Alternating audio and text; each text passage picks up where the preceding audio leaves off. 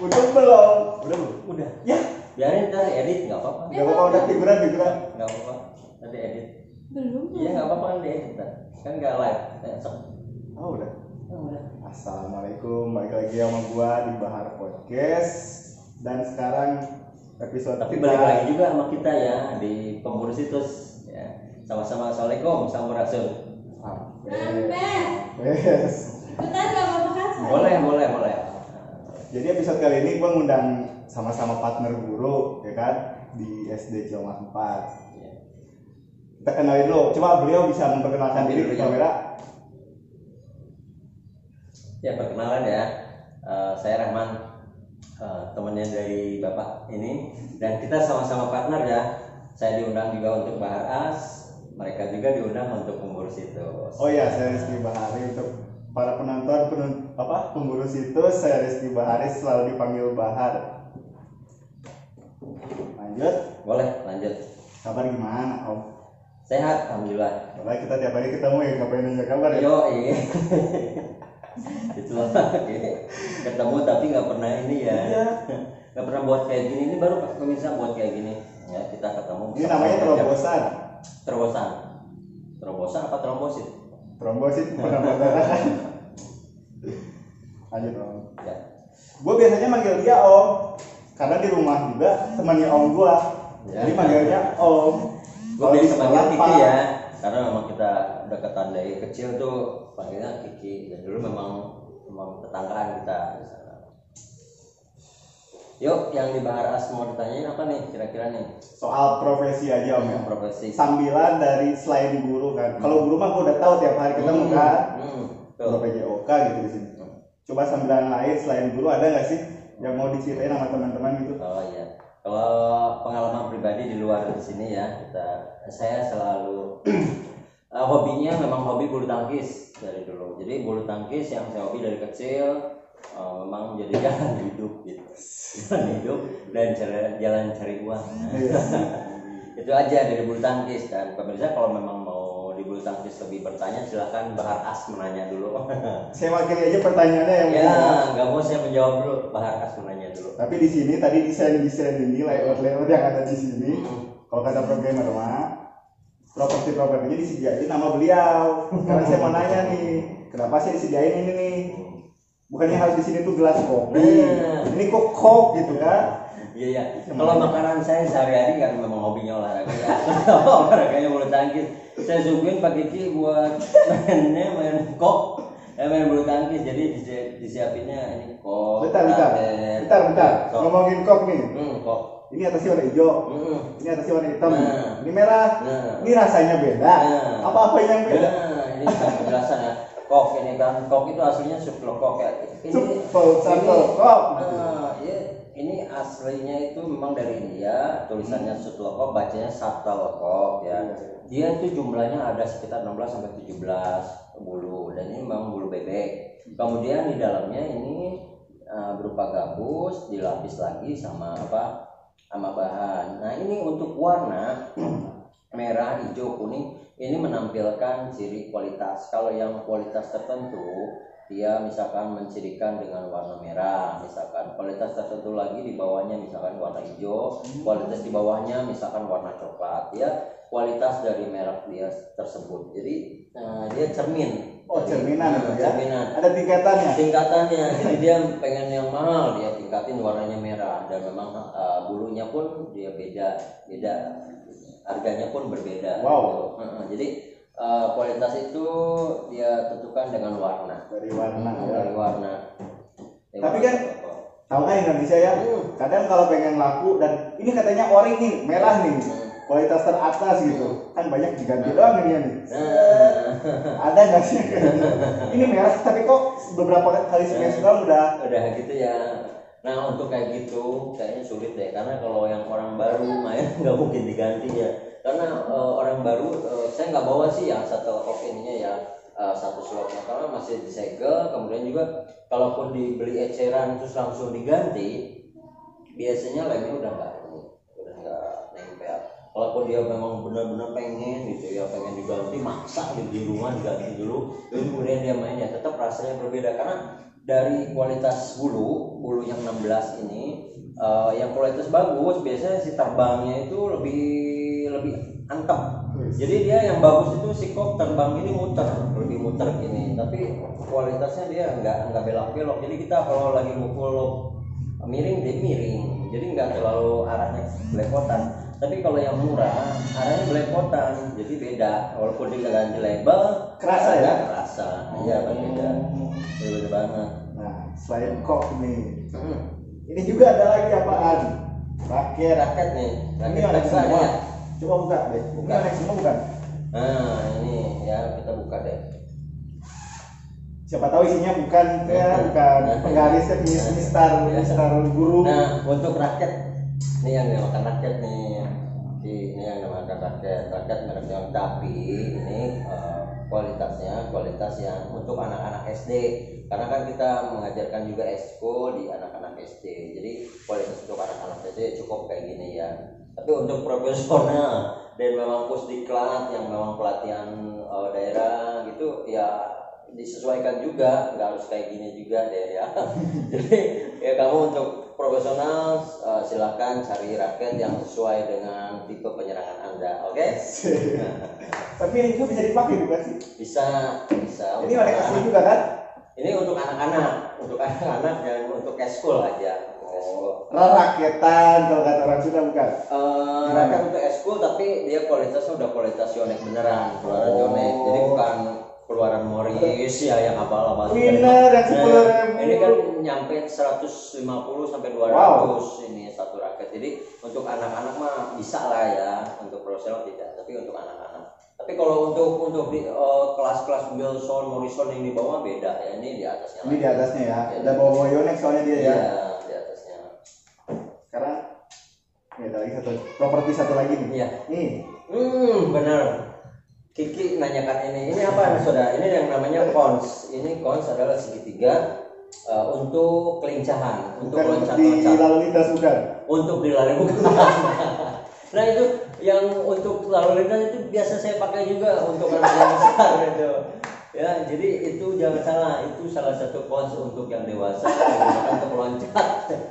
Jadi ini salah satu eh, media untuk melatih kelincahan, melatih kelenturan, melatih otot kaki, juga melatih segala rupa dia pakainya cons ya. Jadi ini berguna banget, banget banget, Banget banget ya. banget banget. Buat fisik berarti ini ya. Ah, pelatihan fisik ya. Mantap sih. Terus ini Sekarang saya nanya dong, Oh, iya. untuk Mantap, pemburu situs ya, ini mewakili pemburu situs Ya. terhadap Bahar Aks ya. Bahar Aks gimana kabarnya nih? baik-baik aja. Ah, baik baik. Kita merintis menuju yang tak terhingga. Tuh menuju tak terhingga. Eh, sekarang Aks eh, bikin konten eh, mau ke arah mana nih? Ke arah Fokusnya sih lebih ke apa sih interview gitu, Hmm. one by one, Hmm. soal pengalaman pribadi. Hmm. Terus fokusnya ke profesi. Wih, good job, pokoknya good job ya. Itu yang harus kita ini kan apa? Kita hormati karena itu kita jadi tahu. Kita Iya, nggak usah harus kita cari tahu di sini pengalamannya apa apa. Dari Bahar Aks kalian apa aja ada ya. Kalau nggak ada, lu cari dia ada. Asik. keren keren keren. Nih, baik lagi Om ya. Gue mau nanya lagi nih soal bulu tangkis gitu. Lu awalan sekarang jadi apa sih posisinya kalau di bulu tangkis itu selain pelatih di SD? Jadi kalau di bulu tangkis aku jadi official ya coach gitu di salah satu klub di Bogor ya terutama di gornya Gor Ananda sama Gor Lembo itu aja sekarang dulunya saya di banyak gor di tiap gor Bogor 10 gor aku mengajar pasti kalian yang hobi bulu tangkis profesional bulu tangkis di kota Bogor lihat aku pasti tahu oke guys pasti tahu Gor Ananda ya. Di mana tuh posisi Gor tepatnya? Ananda tepatnya daerah Ciomas Panggugah Bogor. Ada di Google Map.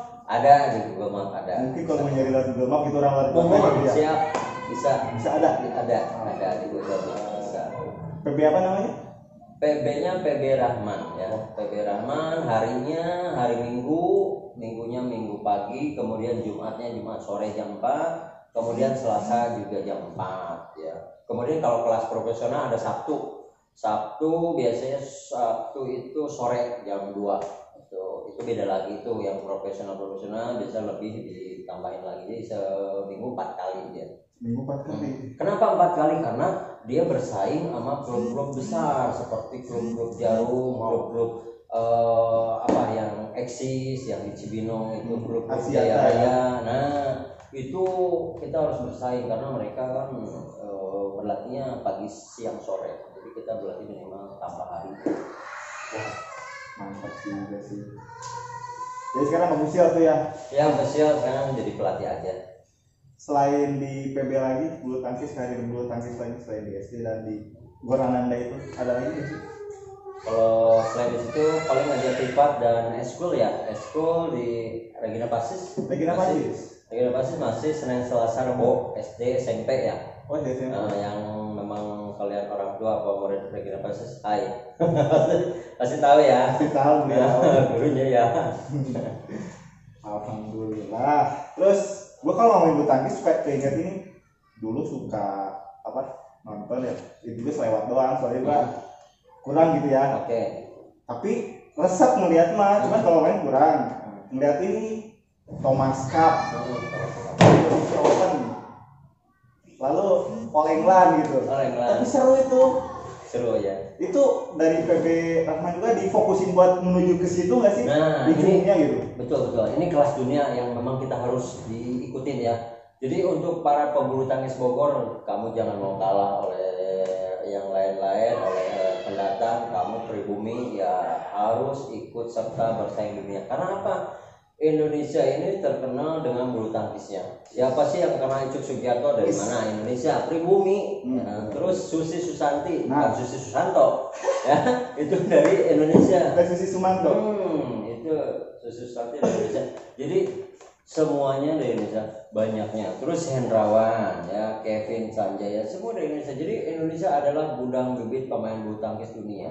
Dan kita di klub ini mewakili dari Bogor khusus melatih yang gitu-gitu. Jadi jangan sampai kalian memang hobi bulu tangkis langsung ke klub-klub besar. Jangan rugi. Karena apa? Belum pasti nggak diterima. Nah, jadi kalau kamu testing di jarum di mana ya kamu pasti nggak akan diterima. Ya sekarang tetap harus proses dari awal. Dasar eh, mahir baru profesional ya. Jadi memang mau berkonsentrasi di bulu tangkis silakan masuk ke PB Rahman. Karena untuk eh, mempelajari pendahuluannya kemudian juga menengahnya kemudian yang profesional. Kalau udah profesional kalian bisa. Mau ikut testing di jarum mau testing di Jaya Raya atau di mana silakan ya.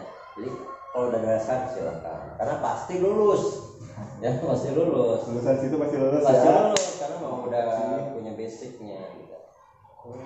Gitu nah ngomongin lo soal ini loh pribumi jadi Oh. tadi kan ngomong pribumi nih Iya. kebanyakan kan saya lihat gitu kalau di bulu tangkis kebanyakan meskipun bawa nama Indonesia gitu kan Oh iya ini maaf ya ngerokok ya karena kan kita memang eh, di luar ya di luar konten juga Iya. ya di luar bukan dalam olahraga. pembelajaran juga bukan dalam pembelajaran di olahraga tapi ini di luar kontennya ya Hmm, jadi agak santai gitu santai ya gitu santai. lebih enak juga ngeluarin Iya, unek-uneknya ya jadi kita bisa ngopi sambil ngopi ya kayak ngopi dulu nah soal itu pribumi tuh ya kebanyakan kan turunan gitu Hmm, bukan turunan. pribumi ya bisa dihitung lah kalau pribumi mungkin ya nah gimana sih itu buat ngadepin itu PB Jadi Rahman gini. merasa pesimis gak sih lawan-lawan mereka turunan-turunan gitu Ya. Jadi gini, kamu jangan eh, rendah hati, kamu jangan menyerah, tetap kamu semangat karena apa? Eh, pribumi itu ternyata eh, dasarnya kuat. Jadi fisik yang didasari oleh orang tua menuju kita itu lebih kuat dibandingkan mereka. Sebenarnya kita ini eh, hobinya memang petualang, jangan main nenek moyang berpetualang. orang-orang barbar Nah, orang-orang kamu jadi kuat. Jadi kamu memang memang hobi yang bulu tangkis, kamu jangan merasa iris, dongki atau merasa takut, rendah hati, takut kalah sama pesaing kita dari non kita. Kita harus nasionalis, kita harus kuat. Karena apa? Memang dari kita ini juga menyalurkan khusus beasiswa. Jadi saya bukan hanya melatih orang-orang yang pengen cari duit, enggak ya yang cari duit eh, mangga gitu silakan saya tidak ini ya tidak untuk menyinggung grup orang ya silakan mereka memang berbuat dengan caranya kalau saya memang mau gitu silakan yang mau belajar ke saya silakan kalau orang yang mau punya uang silakan membayar di saya per bulan cuma 250 eh, pendaftaran 100.000 ribu. Tapi untuk pribumi yang memang tidak mampu tapi memang niat semangat bermain silakan gratis. Di saya ada 10 orang ya. Jadi nggak main-main. Silakan kalian tanya di Ananda. Ya banyak. Di situ banyak yang tidak mampu tapi bermainnya bagus. Saya tampung pada satu hari tapi harinya berbeda. Jadi karena mereka yang sudah bisa main nggak bisa dicampur sama yang baru. Ntar aut-autan kecuali kita ningkatin ya masuk jadi gitu. Nah tadi kan di, di- di- dipisah gitu ya. Hmm. Berarti oh ya belum nanya itu jadinya kan. Ada kelasan nggak sih di PB Rahman itu? nah betul. Jadi di di klub Rahman di klub saya itu ada kelasnya. Jadi klasifikasinya untuk yang baru baru mukul gitu ya. Untuk usia dini dari 4 sampai eh, 10 tahun itu usianya usia yang eh, kelas usia dini tapi yang baru bisa mukul jadi dipisah dipisah dari kelas yang udah bisa. Kemudian kalau yang sudah mulai mulai bisa mukul dipisah juga. Kemudian yang sudah profesional dipisah. Karena apa? Untuk menyesuaikan mereka menanjak lebih tinggi. Klasifikasinya gitu. Untuk bayaran itu ber- berbeda. Kalau yang kalian yang memang baru biasanya kami eh, memberikan harga 250.000 dan itu sangat murah sangat murah kalau kalian tahu dengan harga kok yang begitu menjulang tinggi kemudian dengan gor yang sewanya tinggi yang latihannya empat hari sekali kemudian juga dengan asisten yang harus dibayar tiap hari dan jamnya per tiga jam sekali itu pengeluarannya besar banget banget banget banget jadi do- harga 250 untuk pemula sangat murah. Coba kalian tahu di Jaya Raya, di Eksis itu nyampe 600. Wow. Kita cuma 250, 250 ribu per bulan dengan pendapatan 100 ribu. Kalau di orang 450 sampai 600. Tapi untuk kelas eh, profesional saya menarik 500 500 ribu karena profesional eh, harinya berbeda kemudian juga untuk pelatihannya pun berbeda materi berbeda jadi materi untuk pemain-pemain yang sudah bagus, yang di klub bagus, eh, di klub orang udah bagus. Ya, kemarin saya nerima dari Trinity Optima Jakarta. Mereka pengen eh, masuk ke Jarum, gimana om? Gini gini gini. Ya udah, gini deh kata saya. Ini aku punya video-video kamu, kirim ke saya. Oh iya iya ada, kirim. Kemudian saya lihat perhatikan. Jadi kelemahan-kelemahan dari pemain pemain-pemain kita selalu kita selalu kita mengejar bola yang diarahkan oleh official coach gitu kan so kejar bolanya bola dribbling acak tapi kalau di saya ingat di kami kalau yang sudah profesional kita belajar mengarahkan menembak. Kita kalau udah dapat bola menembak. Supaya kita men- uh, musuh menerima bola kita sekali pukul mati. Jadi kita mengarahkan zap swap silang drop silang chop silang smash silang dan itu harus tepat terus. Kita mengarahkan pada satu titik dikasih arah dikasih panah itu untuk chop chop chop bisa 100 bola 200 bola terus kiri kanan lob lob lob lob lob terus. Tapi belajar mengarahkan. Nah itu nggak ada di klub lain mengarahkan. Dia hanya mengejar bola yang di official kejar gitu ya. Bola acak kejar ke mana aja kejar ke mana. Jadi di kita juga belajar mengarahkan. Jadi pada satu titik kita belajar nembak aja. Nembak smash silang smash silang kiri. Lob serang lob serang. Lob tipu. Dua arah lob tipu gini tuh gitu. Jadi tidak hanya mengarahkan bola atau mengejar bola sedapatnya tapi kita mengarahkan bola mematikan lawan ya. Itu aja. Lanjut. oke. Mau lanjut lagi gua. Kalau soal ini itu kan tadi kebanyakan soal-soal suka beli Iya. suka beliau ya. Ya tekniknya itu tadi. Sekarang mau nyerempet soal duka gitu kan. Gak mungkin kan ada yang suka duka eh suka doang kan hidupnya ya. Pasti ada dukanya gitu. ya apalagi di karir ini ini kan sambilannya dari sekolah. Keganggu gak sih jadwal ngajar sama ngajar bulu tangkis sama ngajar di sekolah gitu? Eh, enggak sebenarnya enggak merasa berat gak gitu? Jadi gini, kalau saya sih untuk kehidupan pribadi ya pagi itu kan udah diatur, udah ada di sini di SD, di SD pagi, siangnya saya di SD swasta yang di RP. Untuk sore dari jam 4 sampai ke malam jam 10 itu saya di klub yang di Ananda dan Lembo ini. Jadi udah teratur. Oh, ya. Jadi pagi itu selalu di SD negeri untuk olahraga siangnya jam 2 itu sampai jam 4 selalu di RP dari jam 4 sampai jam 10 malam saya di klub jadi udah terbagi-bagi rapi ya Oh, jadi udah nggak masalah soal Enggak, jadwal ya. enggak ada masalah Kalau yang soal duka-duka lah yang pernah dialamin gitu. iya duka. Mau tahu ya? Mau tahu aja kok mau tahu banget? Tahu lah kan di sini nanya. kalau kalau duka selalu ada ya kalau kita sakit pasti duka ya. Benar nah, di mana pun uh, kalian profesi apa pun kalau lagi berduka pasti duka. Misalkan kita lagi sakit pasti. Kalau lagi sakit dengan jadwal penuh nah itu aja ya. Paling itu dong. itu aja. Selebihnya oh happy. Happy dong. Happy dong. Hobi awalnya ya kan. Iya, Dari hobi kalau disalurin tetap jadi begini ya. benar benar Seneng terus beliau tuh pokoknya Ya, tuh. amin amin Amin. Berapa lama sih dari awalan hobi sampai sekarang besar gitu? Berapa Iya. lama sih? Jadi kalau aku kan memang dari kecil, dari kecil tuh aku dimasukin oleh ayahku memang bapakku memang pelatih, pelatih bulu tangkis di APP Cibalagung, ya pelatih di situ bulu tangkis di anak kuliah APP. Kemudian di situ dari kecil aku dibawa-bawa masukin klub, aku ya dari kecil masukin klub sampai akhirnya buka sendiri. Tapi sebelum buka klub sendiri, saya juga sama jadi shadow teacher, asisten pelatih dari klub-klub terkenal, terutama klub-klub orang-orang Brunei, orang-orang Singapura, orang-orang luar, aku asistennya dulu. Jadi karena yang punyanya itu pelatihnya, jadi aku yang uh, asisten dari klub itu rata-rata itu aku udah hampir ya kurang lebih 6 sampai 10 tahun Oh. asistenin mereka karena aku juga dulu belajar di klub mereka jadi makanya aku ditarik juga gitu namanya klubnya klub P3 loh Ah, P3 yang tahu ya Partai bukan sih? Bukan, bukan. Klub bulu tangkis ya. Klub bulu tangkis yang memang kalian di bulu tangkis di Bogor tahu namanya P3 ya. Bukan partai. Nah, maaf, bukan partai. Namanya sama. Iya.